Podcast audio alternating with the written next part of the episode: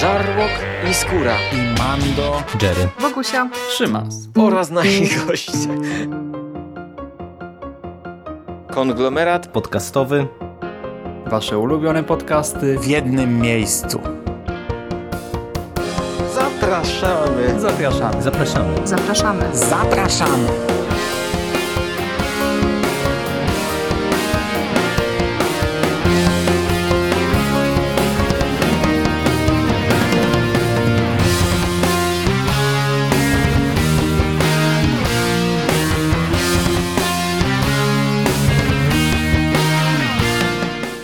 Witam Was w konglomeracie podcastowym, czyli na platformie, która zbiera wszystkie Wasze ulubione podcasty w jednym miejscu. Ja nazywam się Szymon Cieśliński, możecie kojarzyć mnie jako Szymasa z bloga Necropolitan, a dziś chciałbym Wam ponownie powiedzieć o komiksie, tym razem o albumie, który otrzymałem jakiś czas temu od wydawnictwa Egmont, a chodzi o album Hawkeye Lekkie Trafienia. Hawkeye, lekkie trafienia, drugie wydanie zbiorcze zeszytów e, z tej stolowej serii poświęconej Hawkeye'owi i ostatnio trochę przestrzeliłem, bo myślałem, że e, to się pojawiało pierwotnie jakieś 2-3 lata temu, a tak naprawdę to już 5 lat prawie minęło. I teraz w końcu dostaliśmy to my, polscy czytelnicy, za sprawą Egmontu. Album pierwszy, czyli Moje życie to walka, dał mi sporo dobrej zabawy. Pamiętacie ten podcast przed kilku dni? Ja go dość mocno chwaliłem. Ten album pokazał mi Clint'a Bartona jako takiego człowieka z krwi i kości, bo Hawkeye to nie heros o nadnaturalnych zdolnościach, a po prostu mężczyzna, który ma jakieś tam zdolności i który regularnie wpada w tarapaty i niewiele rzadziej ląduje w szpitalu. I ten komiks, e, ten pierwszy komiks, ten pierwszy album zaprezentował nam właśnie kilka prostych, acz ciekawych fabułek w takiej minimalistycznej, acz pięknej oprawie graficznej. I to zagrało, to zagrało bardzo dobrze. Chyba z tego prostego względu, że Hawkeye jako ten wielkomiejski bohater, bohater z sąsiedztwa, właśnie bohater, nie super bohater, sprawdza się nawet jeszcze lepiej niż jako jeden z Avengers, bo dopiero tutaj w takiej właśnie bardziej kameralnej historii może rozwinąć skrzydła. Lekkie trafienia miały więc dość wysoko postawioną poprzeczkę na starcie, bo cóż, no spodziewałem się czegoś na podobnym poziomie albo lepszego i czy udało się ją przeskoczyć? Hmm, po kolei. Zacznijmy od fabułek, od treści tych kolejnych historii. Tym razem Clint i Kate, bo album ten oczywiście także traktuje o Kate Bishop, chociaż w tym albumie mam wrażenie, że jest jej ciutkę mniej, chociaż może to tylko wrażenie, nie wiem, trudno mi to oszacować. W każdym razie na początku Clint i Kate będą musieli zmierzyć się ze skutkami huraganu Sandy, który nawiedzi w tym komiksie Queens i Jersey i będzie to taka krótka opowieść o tym, jak Hawkeye, jeden i druga, pomagają ludziom w potrzebie. Następnie poznamy sześć dni z życia Clint'a i tym samym konsekwencje wydarzeń przedstawionych w pierwszym albumie. Hawkeye zadarł w tych pierwszych trzech zeszytach opublikowanych w Moje życie to walka z wieloma różnymi osobami. I teraz przychodzi czas na zemstę, na zapłatę. Clint otrzyma pewne ultimatum, i będzie musiał podjąć decyzję, jak na nie zareagować. Ja nie posiadam wydań oryginalnych, ale poświęciłem chwilę na randkę z Google Grafika i wydaje mi się, że te dwa pierwsze zeszyty zostały zamienione tutaj w tym wydaniu zbiorczym. Nie wiem, czy tylko w Polsce, czy także za granicą, bo pierwotnie wydaje mi się, że były ułożone na odwrót. Później poznamy aktualne relacje łączące Clint'a z różnymi kobietami, między innymi z Mockingbird, Czarną Wdową, Kate Bishop oczywiście oraz z Wisienką, znaną nam z pierwszego albumu. Dowiemy się jak Clint podchodzi do relacji damsko-męskich, z czym ma największe problemy i choć będzie to opowieść raczej e, zabawna, to jednak te relacje z kobietami będą tłem dla troszkę innych wydarzeń i ostatecznie całość skończy się z przytupem, gdyż wprowadzi nam nowego Nemezis. Dla Clint'a będzie to przeciwnik o polskich korzeniach, więc smaczek dla nas, dla polskiego odbiorcy i jego genezę poznamy w kolejnym zeszycie. A na sam koniec będzie jeszcze zeszyt jedenasty i w nim historia nagrodzona Eisnerem, między innymi kilkoma innymi nagrodami, a dokładniej rzecz ujmując historia, i tutaj nie żartuję, historia psiego śledztwa opowiedziana właśnie z perspektywy psa. Fabularnie jest w porządku, a jeżeli chodzi o narrację, kompozycję, strukturę tych opowieści jest niezwykle ciekawe. Właśnie to oryginalne podejście do narracji tutaj wypada podkreślić. Sześć dni z życia Clint'a to opowieść przedstawiona wysoce niechronologicznie. Rozpoczyna się jakoś we wtorek, potem cofamy się do czwartku, wracamy do tego wtorku, cofamy się do poniedziałku i tak dalej, i tak dalej na przestrzeni całego zeszytu. I zabieg ten oczywiście komplikuje nam odbiór historii, ale zarazem e, uatrakcyjnia ją. No mnie osobiście się to podobało. Takie skakanie po stronach pod koniec tej opowieści, gdy już zrozumiałem, jak mniej więcej cały ten system działa, to skakanie, by zrozumieć chronologię zdarzeń, dało mi trochę dodatkowej frajdy i ostatecznie zaliczam to jako plusik. W historii, w której powraca Wisienka z poprzedniego albumu, pojawiają się jeszcze cztery bodajże inne kobiety i każdej z nich poświęcono osobny fragment historii, co też jakoś tam ją komplikuje, ale i uatrakcyjnia.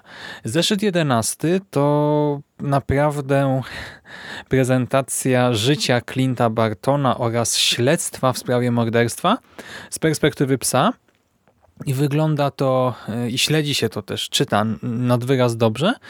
Oprawa graficzna pasuje do tych poszczególnych opowieści. Nadal trzyma wysoki poziom. David Aha, który narysował większość z nich, cały czas stosuje ten sam styl rysunku. Mamy schematycznych bohaterów, grubą kreskę, wyraźne kontury, te rozmazane detale tła, mało światło cienia i dziesiątki niewielkich kadrów. Dziesiątki niewielkich kadrów skoncentrowanych na ogół na twarzy bohatera, czasem na innym szczególe. I to się cały czas sprawdza i coraz bardziej się przekonuje do takiego stylu, jeżeli ktoś się nim umiejętnie posługuje, a David Aha na pewno tak to właśnie czyni.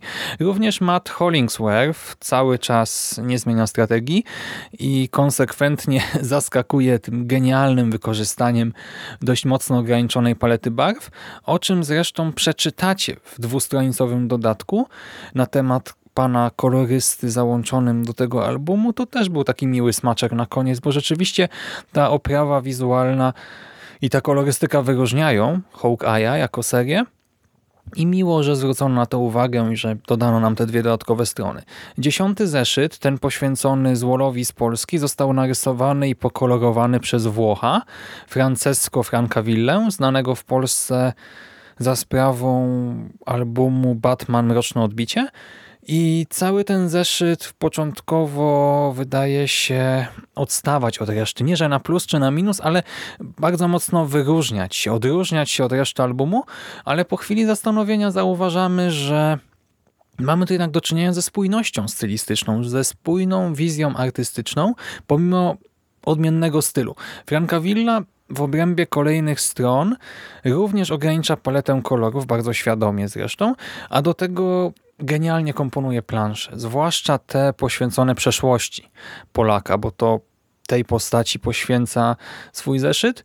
Na jednej ze stron widzimy przykładowo ogromną twarz i nałożone na nią odłamki popękanego lustra.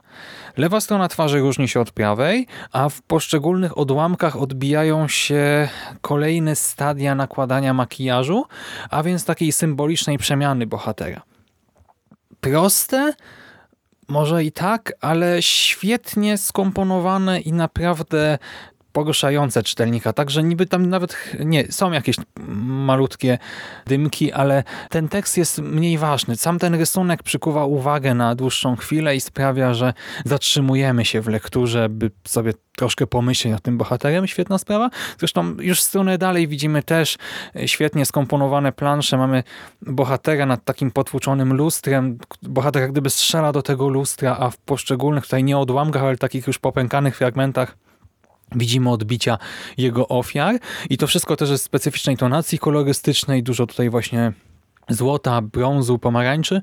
Bardzo ładnie to wygląda. Historie miłosne, znaczy miłosne, no, damsko-męskie relacje tutaj są zobrazowane w taki sposób, że poszczególne segmenty opowieści poprzeplatane zostały dodatkowymi okładkami komiksów, które są elementem świata przedstawionego. W sensie to nie są okładki zeszytów, tylko okładki komiksów, które istnieją w świecie e, Hawkeye'a w tym naszym Nowym Jorku i odpowiada e, za nie Annie Wu. Też ciekawa, sympatyczna rzecz. Historia o huraganie to dzieło Steve'a Libera i Jesse'ego Hama. Jest w porządku. Momentami rysunki są troszkę karykaturalne, co niektórym może przeszkadzać, ale e, jakoś tam nawiązuje to wszystko do tego stylu Davida, do którego się przyzwyczajamy i mnie się to ostatecznie czytało i oglądało też całkiem przyjemnie. No i ta cudowna narracja z perspektywy psa to znowu David Aha w pełnej formie u szczytu swoich możliwości. Jest więc ponownie pewnego rodzaju zróżnicowanie w tej oprawie, ale wszystko tutaj jest spójne, ma sens. Nawet bardziej mi się chyba to podoba niż w pierwszym albumie, gdzie mi ci Young Avengers Presents troszkę odstawali. I cały ten album ogólnie jest bardziej oryginalny, innowacyjny e, w porównaniu ze swoim poprzednikiem. Sposób prowadzenia narracji jest o wiele ciekawszy, a od strony graficznej nadal pozytywnie zaskakuje. Moim jedynym problemem jest tutaj fakt, że praktycznie wszystkie zeszyty, wszystkie historie poza tą o huraganie są podprowadzeniem pod konfrontację Clint'a z Polakiem, czego ostatecznie tutaj nie uświadczamy i teraz muszę czekać na trzeci album zbiorczy, by poznać tę historię. Ech, niestety. Czy jest lepiej niż w pierwszym albumie, czy gorzej? Myślę, że poziom został utrzymany. Większość osób bardziej chwali ten drugi. Dla mnie to po prostu nadal jest dobry album o Hawkeye'u. Nie jakaś rewolucja, ale bardzo ciekawa, bardzo ładna rzecz. I po prostu polecam wam po niego sięgnąć. To wszystko ode mnie na dzisiaj. Do usłyszenia następnym razem. Cześć!